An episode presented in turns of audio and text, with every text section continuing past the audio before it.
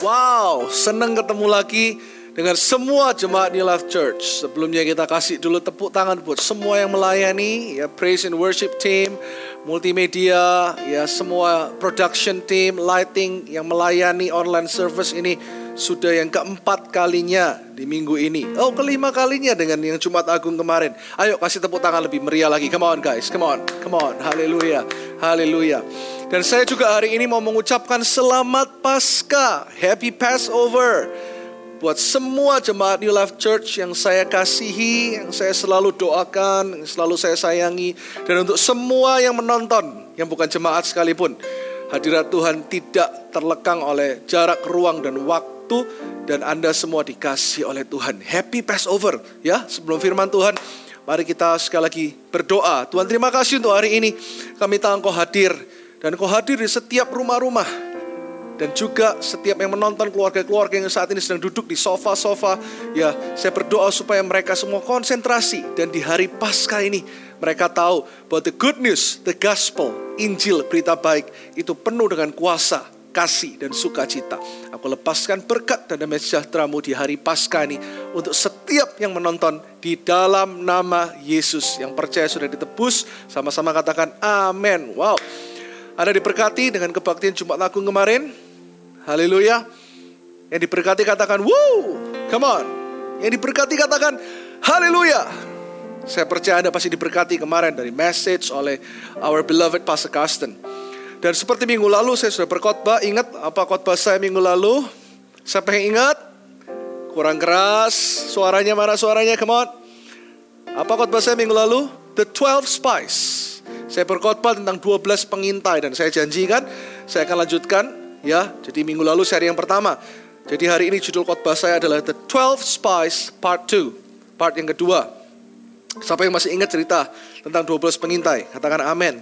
Minggu lalu Uh, saya sudah bacakan dari bilangan 13 ayat 1 sampai 16 yang Anda uh, pem, sebagai pembukanya, Anda yang belum dengar khotbahnya Anda harus dengar ya karena online service ini terus diupload ya. Setelah jam 10 ini kita kebaktian, Anda bisa terus temukan di YouTube kami New Love Indonesia. Ya, search di internet di YouTube dan Anda akan bisa dengarkan online-online service yang sebelumnya juga especially minggu lalu part 1-nya. Jadi saya nggak akan ulang tetapi Anda baca backgroundnya, Anda yang belum baca nanti baca lagi dari bilangan 13 ayat 1 sampai 16 di mana 12 pengintai itu disebutkan satu persatu namanya dan empat poin ya, dua poin minggu lalu. Masih ingat poin yang pertama apa? Apa yang membedakan 10 pengintai dengan dua yaitu Yosua dan Kaleb? Totalnya 12 kan, tapi 10 dan 2 beda. Ada dua kelompok, ada dua kelompok life group yang berbeda. Yang satu yang pesimis, yang satu yang belum mengalami Paskah, yang satu yang belum mengalami kebangkitan Yesus. Ya, yang dua Yosua dan Kaleb ini benar-benar sudah mengalami Kristus. Anda masih ingat poin yang pertama yang membedakan Yosua dan Kaleb dengan 10 pengintai lainnya adalah yang ada Tuhan dalam hidup mereka. Mereka kenal Tuhan, mereka kenal Tuhan yang mereka sembah mereka beriman kepada Tuhan yang mereka sembah, ya. Tuhan Yesus, Allah Israel, Yahweh, Tuhan yang hidup. Yang kedua, perspektif dan pandangan yang berbeda. Masih ingat ya, dua poin yang kemarin. Saya lanjutkan poin yang ketiga. Yang membedakan 10 pengintai dengan Yosua dan Kaleb. Yang ketiga adalah apa? Ya, Yosua dan Kaleb adalah orang-orang yang optimis dan positif. Sama-sama katakan dengan suara yang keras dengan saya, optimis Ayo mana orang-orang yang optimis lebih keras lagi katakan optimis dan positif. Positif ya. Orang Surabaya atau orang Betawi ngomongnya ada yang positif gitu ya, tapi bukan positif, tapi positif seperti cross. Hari ini kita merayakan merayakan Paskah ya, kebangkitan Yesus. Nah, sekarang kita lihat dulu bagaimana pesimisnya 10 pengintai. Mereka tidak punya Tuhan, mereka tidak kenal Tuhan ya. 10 pengintai di bilangan 13 ayat 31 sampai 33. Dikatakan seperti ini. Seperti minggu lalu saya katakan mereka melihat tanah yang sama, yaitu tanah kanaan, mereka mengintai tanah yang sama, mereka pergi di waktu yang sama, mereka mungkin bawa bekal yang sama, makan nasi juga, ya, tetapi urapannya berbeda. Karena yang dua ada Tuhan, yang sepuluh enggak, ya. Sekarang kita baca sama-sama. Mulai ayat 31, ya, bilangan 13, ayat 31 sampai 33. Tetapi orang-orang yang pergi ke sana bersama-sama dengan dia berkata, kita tidak dapat maju menyerang bangsa itu karena mereka lebih kuat daripada kita. Mungkin ada sebagian Anda yang melihat COVID-19 lebih kuat daripada Anda. Anda harus tahu, Yesus Kristus yang ada di dalammu lebih kuat daripada apa pun juga. Amin. Jangan takut. Sekali lagi katakan kanan kiri. Jangan takut. Ayat 32 kita baca sama-sama yuk. Semuanya ikuti saya dalam hitungan ketiga. Satu, dua, tiga. Juga mereka menyampaikan kepada orang Israel kabar busuk tentang negeri yang diintai mereka dengan berkata, negeri yang telah kami lalui untuk diintai adalah suatu negeri yang memakan penduduknya. Wow, katakan ngeri ya. Kita lihat waktu itu para pengintai melihat bahwa penduduk di tanah Kanaan waktu itu adalah kanibal, mereka makan orang gitu ya. Dan semua orang yang kami lihat di sana adalah orang-orang yang tinggi-tinggi perawakannya. Ayat 33. Juga kami lihat di sana orang-orang raksasa, orang enak yang berasal dari orang-orang raksasa. Dan kami lihat diri kami seperti belalang dan demikian juga mereka terhadap kami. Lihat orang yang tidak punya Tuhan, tidak kenal Tuhan, selalu pesimis, negatif, gosip. Bahkan hari-hari ini orang suka sekali gosip, suka sekali info yang menegangkan. Baca hal-hal yang membuat wah adrenalin itu tinggi, disebarluaskan. Tapi ini Life Church berbeda. Karena Anda seperti Yosua dan Kaleb. Sebelum lanjut tiba-tiba Roh Kudus ingatkan ini. Apa sih arti nama Yosua? Yosua arti namanya adalah God is my salvation. Tuhan adalah penyelamatku. Tuhan adalah juru selamatku. Jika Allah di pihak kita, siapa lawan kita? Dan lucunya apa arti nama Kaleb? Kaleb arti namanya adalah faithful, setia. Arti lainnya ada yang nggak enak juga sih arti nama Kaleb itu adalah dog. Dog faithful. Maaf, dog, benar-benar doggy. Tapi kenapa dia bisa jadi orang yang faithful? Bukan dia adalah orang yang mungkin dilihat dunia underdog. Kaleb ini mungkin dilihat sebelum dia kenal Tuhan, dia nggak punya potensi apa-apa. Mungkin Anda merasa Anda underdog. Anda ngerasa Anda cadangan. Anda mungkin, saya nggak tahu kenapa bisa rasa ini, di hari Paskah ini ada beberapa anak-anak muda yang juga menonton. Anda merasa bahkan sebagai anak ini nomor dua kan. Jangan takut. Kaleb bin Yefuni. Itulah Anda. Anda adalah orang yang strong. Anda adalah orang yang perkasa. Anda adalah orang yang diurapi. Karena Anda bukan underdog. Tapi Tuhan melihat Anda seperti Kaleb. Faithful one. Seperti Yosua. God is my salvation. Tuhan adalah penyelamatku. Nah sekarang kita lihat. Reaksi Yosua dan Kaleb ketika mereka melihat tanah Kanaan, tanah yang diintai. Mereka dua adalah orang yang optimis dan positif. Bilangan 13 ayat 30. Kita baca sama-sama dengan suara yang keras ya.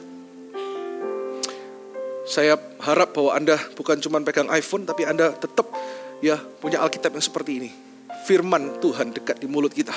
Yang manual penting Anda bisa garisin, Anda bisa kasih tanggal, apa yang menjadi rema bagi Anda hari ini. Kita baca sama-sama bilangan 13 ayat 30. 1 2 3. Kemudian Kaleb mencoba menentramkan hati bangsa itu di hadapan Musa di tengah-tengah kegaduhan seperti minggu lalu saya katakan malah Kaleb mententramkan.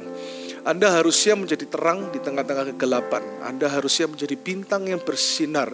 Seperti ada lagu berkata, Ku mau bercahaya bagaikan bintang-bintang di tengah kegelapan terpancar terang kasih Tuhan Ku mau bercahaya. Bagaikan bintang-bintang. Na na na na na na. Tahu ingat lagu itu? Ya, membuktikan kemurahan Tuhan. Menyaksikan kemurahan Tuhan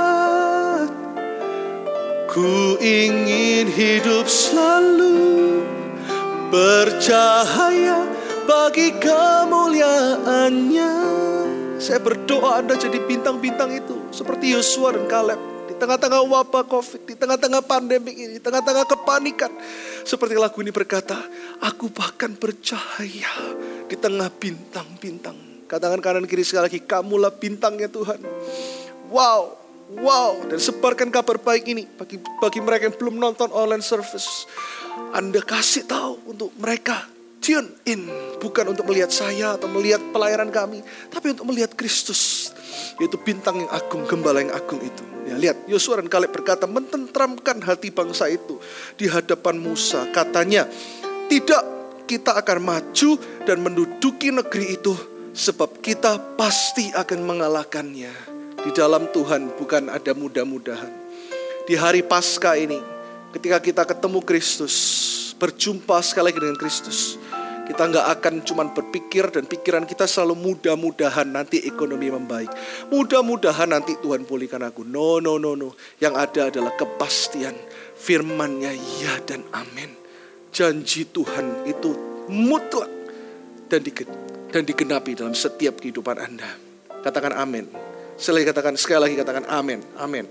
Haleluya. Dan kita lihat sekarang bilangan 14 ayat 6 sampai 8 sikap Yosua dan Kaleb, karakter Yosua dan Kaleb yang pemberani bukan berasal dari dirinya sendiri.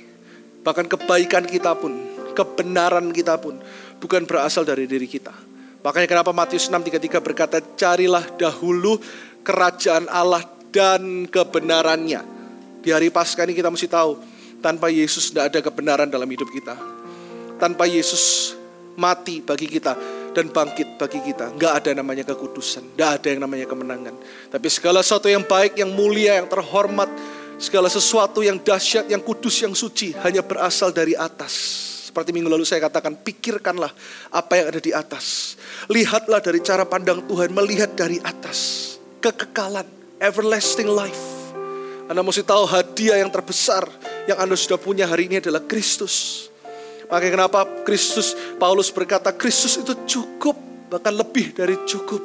Ya, lihat saat ini apa yang uh, sikap dari Yosua dan Kaleb ya, bilangan 14 ayat 6 sampai 8. Tetapi Yosua bin Nun dan Kaleb bin Yefune yang termasuk orang-orang yang telah mengintai negeri itu mengoyakkan pakaiannya dan berkata kepada segenap umat Israel, negeri yang kami lalui untuk diintai itu adalah luar biasa baiknya.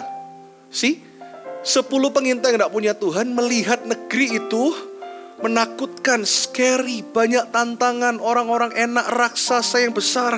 Tetapi Yosua dan Kaleb bilang, wow negeri itu luar biasa. Kalau punya Tuhan pandangannya pasti berbeda. Jika Tuhan berkenan kepada kita, maka ia akan membawa kita masuk ke negeri itu dan akan memberikannya kepada kita suatu negeri yang berlimpah-limpah susu dan madunya. Wow, berlimpah-limpah susu dan madunya.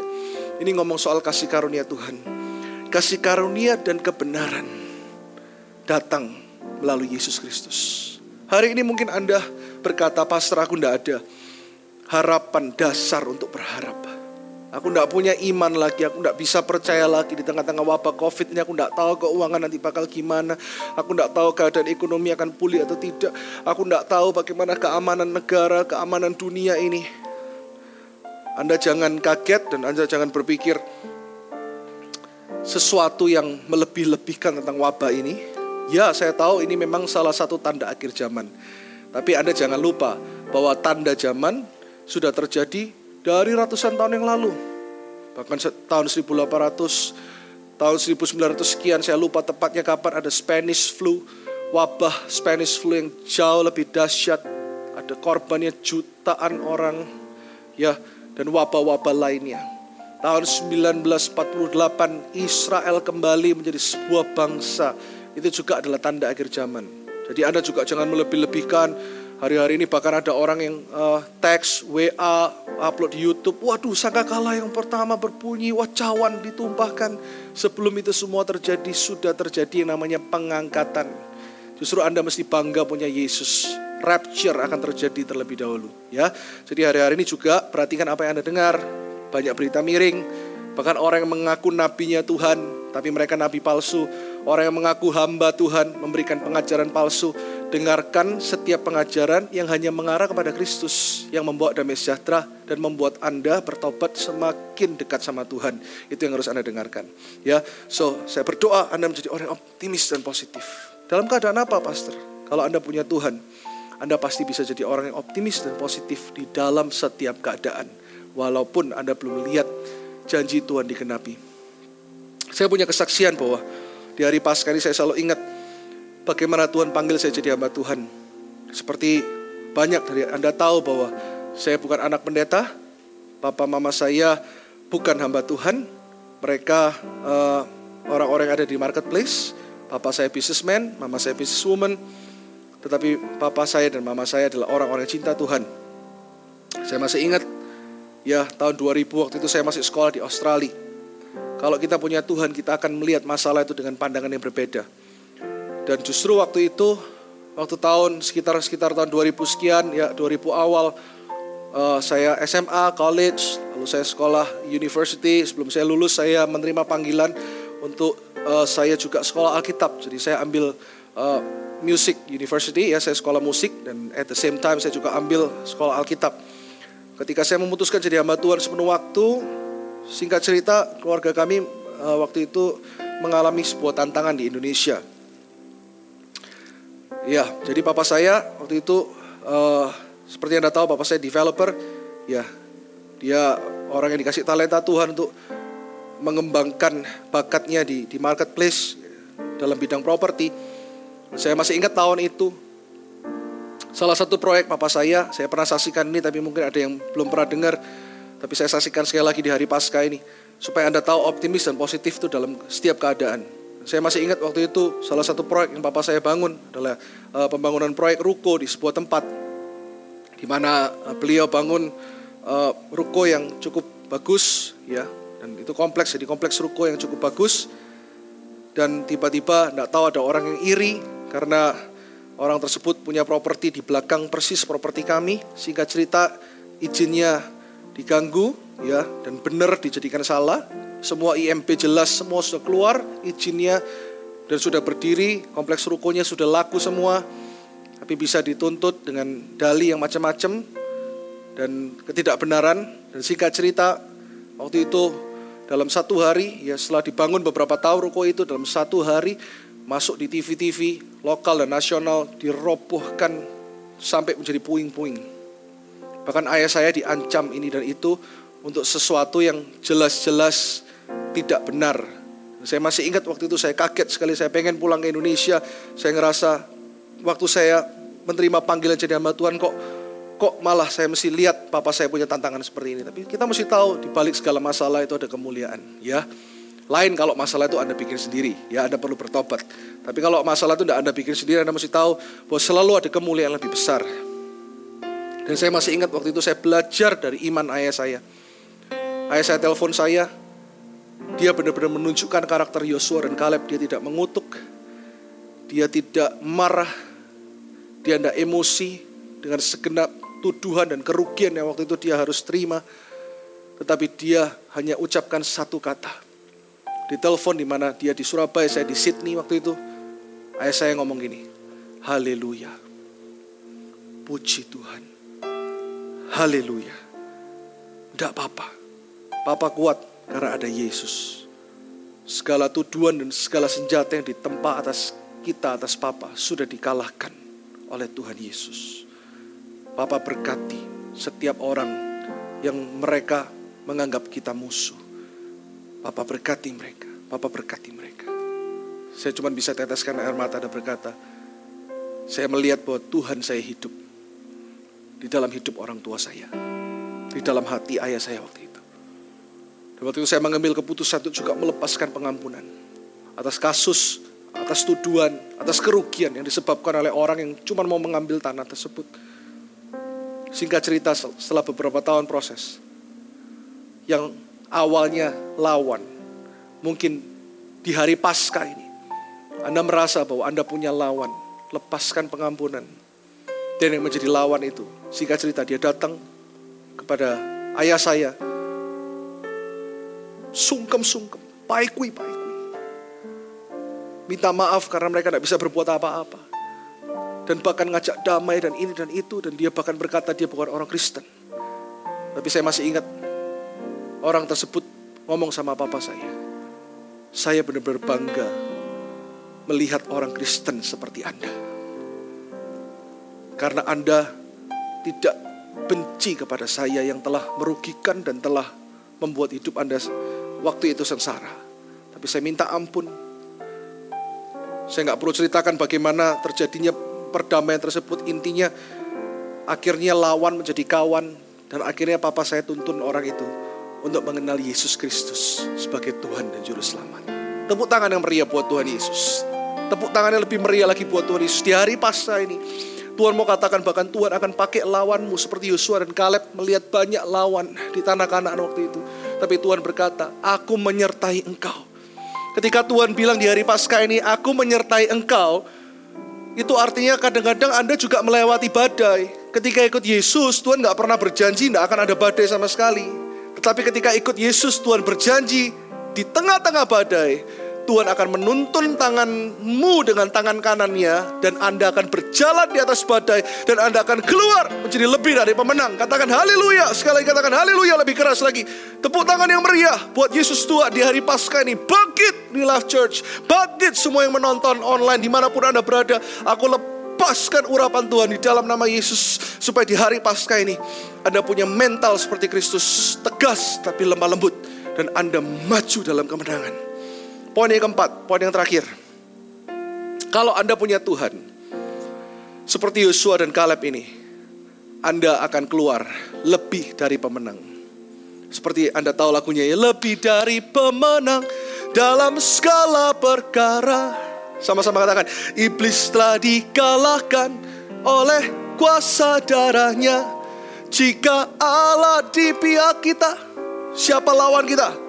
Ada ayat yang dikatakan kalau dia di pihak kita. Tapi Anda berkata, aku tidak merasa Allah di pihakku, Pastor. Karena aku berbuat dosa kemarin, aku bohong, aku banyak melakukan kesalahan. Tapi Anda harus tahu, seperti minggu lalu saya katakan, seperti Pastor Kasem kemarin katakan di Jumat Agung, dia itu adalah imam besar. Yesus Kristus turut merasakan penderitaan kita. Dia juga dicobai 2000 tahun yang lalu ketika dia menjadi manusia. Tetapi bedanya dia tidak berbuat dosa. Dia itu blameless, dia itu tidak ber, dia tidak bercacat dan tidak bercelah dan dia hidup dalam kita. Makanya kenapa sampai hari ini posisi kita secure di hadapan Allah Bapa di sorga. Posisi kita adalah orang-orang benar. Katakan orang-orang benar. Sama-sama lebih keras lagi katakan orang-orang benar. Orang-orang yang ditebus.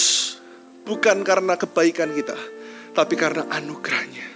Semua karena anugerahnya. Betul? Katakan kanan kiri, semua karena anugerahnya. Semua karena anugerahnya. Tahu lagu ini ya? Sama-sama katakan. Diberikan kepada kita. Sama-sama katakan. Semua anugerahnya bagi kita jika kita bila kita dipakainya. Amin, amin. Haleluya. Lebih dari pemenang. Kita lihat orang-orang ini. Yang pertama kita lihat dulu si Kaleb ya. Yosua 14 ayat 10 sampai 11. Dikatakan seperti ini, jadi sekarang sesungguhnya Tuhan telah memelihara hidupku seperti yang dijanjikannya. Kini sudah 45 tahun lamanya Sejak diucapkan Tuhan firman itu kepada Musa. Jadi 45 tahun setelah dia mengintai tanah kanaan. Lihat orang yang lebih dari pemenang itu adalah orang yang tahan uji, orang yang sabar, orang yang tinggal dalam waktunya Tuhan. Dan dikatakan dan selama itu orang Israel mengembara di padang gurun. Jadi sekarang telah berumur 85 tahun. Aku hari ini, wow 85 tahun kalau kita bayangkan 85 tahun tuh ya kita kebanyakan orang itu udah rambutnya putih semua, jalannya mungkin kayak gini gitu ya. Kita lihat mungkin udah nggak terlalu prima, tapi lihat itu orang dunia. Tapi kalau Anda, saya berdoa Anda kuat seperti Kaleb. Dan dikatakan pada waktu ini, pada waktu ini itu pada waktu dia usia berapa? 85 tahun. Pada waktu ini aku masih sama kuat seperti pada waktu aku disuruh Musa. Wow, seperti kekuatanku pada waktu itu, demikianlah kekuatanku sekarang untuk berperang dan untuk keluar masuk. Bayangkan umur 85 tahun, matanya masih jelas, tubuhnya kuat, sehat, dan bahkan dia berkata, kekuatanku masih sama ketika aku umur 40 tahun. Itulah orang-orang yang punya Tuhan. Saya berdoa hari di hari Paskah, Anda tahu, God will renew your youth. Anda akan diperbarui kemudaannya, akan diremajakan oleh Tuhan. Bukan hanya secara batin, tapi secara fisik. Terima itu di dalam nama Yesus. Dan saat ini di hari Paskah ini, saya juga berdoa saat ini, sekarang juga, untuk Anda mengalami kesembuhan. Saya merasakan ada urapan kesembuhan yang sungguh-sungguh nyata. Dan hari ini, saat ini, sekarang juga, Anda yang punya sakit penyakit apa pun, taruh di bagian yang sakit. Saat ini saya mau berdoa bagi Anda. Aku cabut saat ini. Bukan hanya kekhawatiran, tapi penyakit secara fisik. Tuhan katakan Tuhan mau sembuhkan Anda secara fisik. Saat ini terima kesembuhan, terima urapan Tuhan. Terima saat ini hadiah kesembuhan itu. Terima mujizatnya saat ini. Dan aku perkatakan kepada ginjal, saya melihat ada yang saat ini saya terasakan ada yang kreatinnya tinggi lebih dari empat. Saat ini kembali normal di dalam nama Yesus. Ada yang alergi, ada yang alergi dan gak sembuh-sembuh. Saat ini saya perkatakan di dalam nama Yesus setiap alergi aku tolak. In Jesus mighty name. Di dalam nama Yesus keluar. Setiap tumor saat ini keluar dalam nama Yesus. Dalam nama Yesus, dalam nama Yesus. Dan terima kesembuhan, terima kesembuhan. Kira masyikana daraba, terima kesembuhan. Terima kesembuhan ilahi saat ini. Sesuatu sedang terjadi saat ini.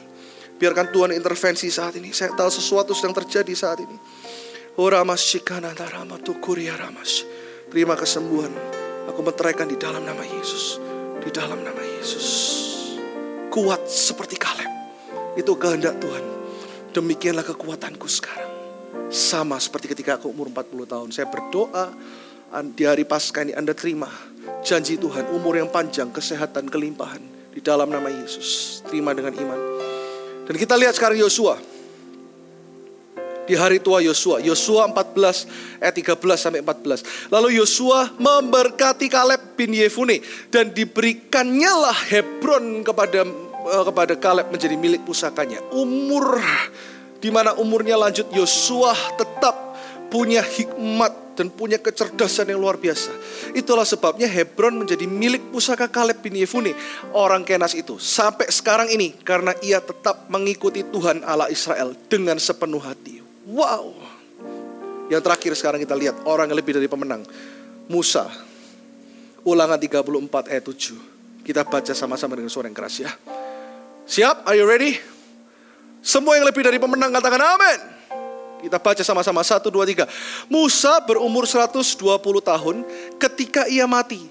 Matanya belum kabur dan kekuatannya belum hilang. Umur berapa? 120 tahun.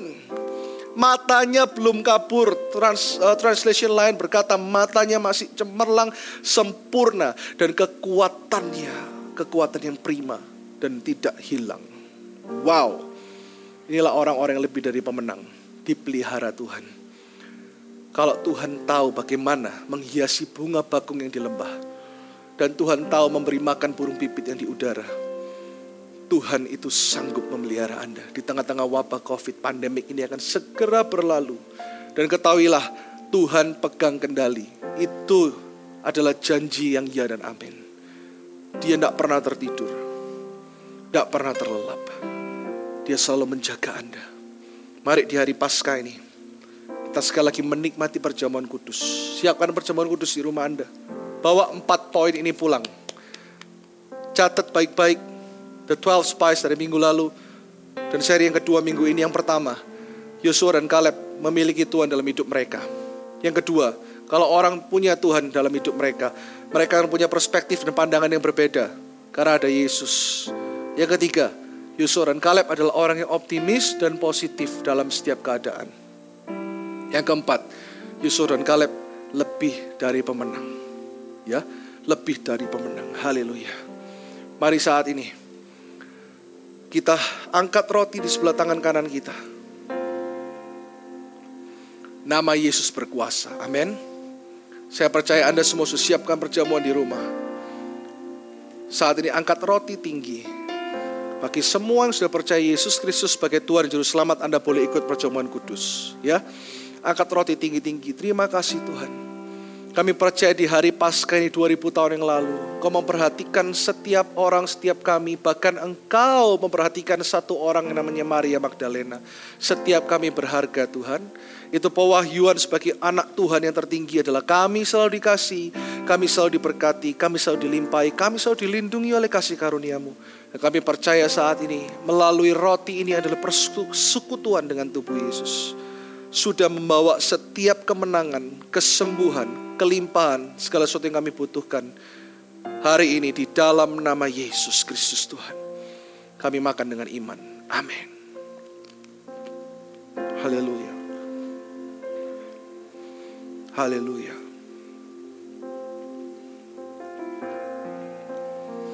Mari saat ini kalau Anda ada anggur di rumah, Anda boleh pakai air putih. It's okay. Yang penting bukan medianya tapi Yesusnya.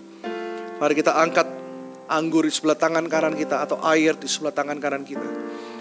Kami menyanjungmu Yesus lebih daripada segalanya.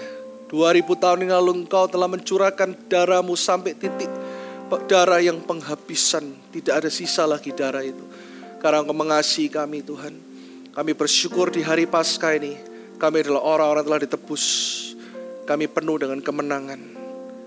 Dan kami yakin anggur yang kami angkat di sebelah tangan kanan kami adalah persekutuan dengan darah Yesus Kristus Tuhan yang telah membeli hidup kami, membayar segala dosa kami, menghapus segala kutuk. Kami terima kemenangan demi kemenangan di dalam nama Yesus Kristus Tuhan. Amin. Haleluya. Haleluya. Haleluya. Bersyukur Tuhan. Kami bersyukur Tuhan. Terima segala kelimpahan saat di hari Paskah ini. Terimalah kebangkitan, kemenangan, revival kebangunan rohani. Kemenangan demi kemenangan dan kemuliaan Tuhan yang luar biasa di dalam nama Yesus. Amin. Sebelum hari ini kita mengakhiri online service ini. Saya nanti akan memuji Tuhan. Satu lagu. Sama-sama kita menyanyi. Lalu saya akan doa berkat bagi Anda. In Jesus name. Di hari Paskah ini saya ingin mempersembahkan lagu ini buat Tuhan Yesus untuk semuanya yang menonton. Lagu ini saya ciptakan sekitar tahun 2000-an ya. Lagu ini judulnya Kerinduanku. Saya berdoa supaya kerinduan kita di hari Paskah ini hanyalah untuk memuliakan, meninggikan nama Yesus Kristus Tuhan. Saya minta semuanya ikut nyanyi sama-sama dengan saya.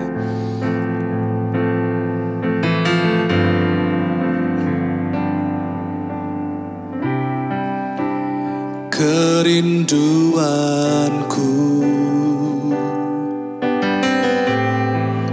Berada dekatmu Tuhan.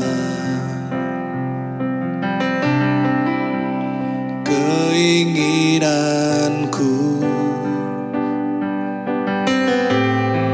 Selalu senangkan hatimu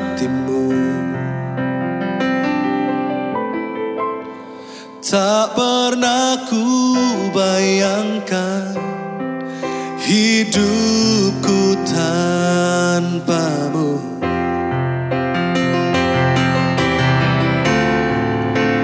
Yang menjadi hasratku Menyanyikan pujian bagimu. Aku menyembahmu. Yesusku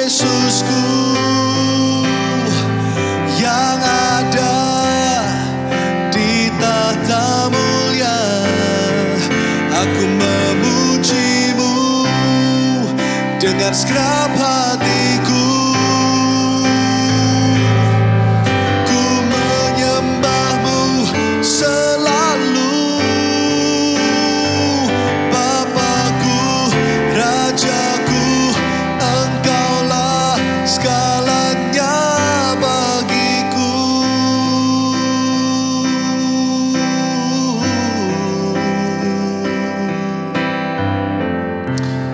Sama-sama katakan tak pernah kubayangkan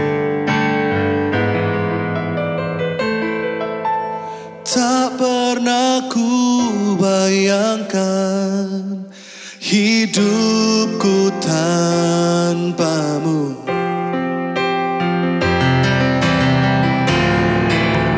Yang menjadi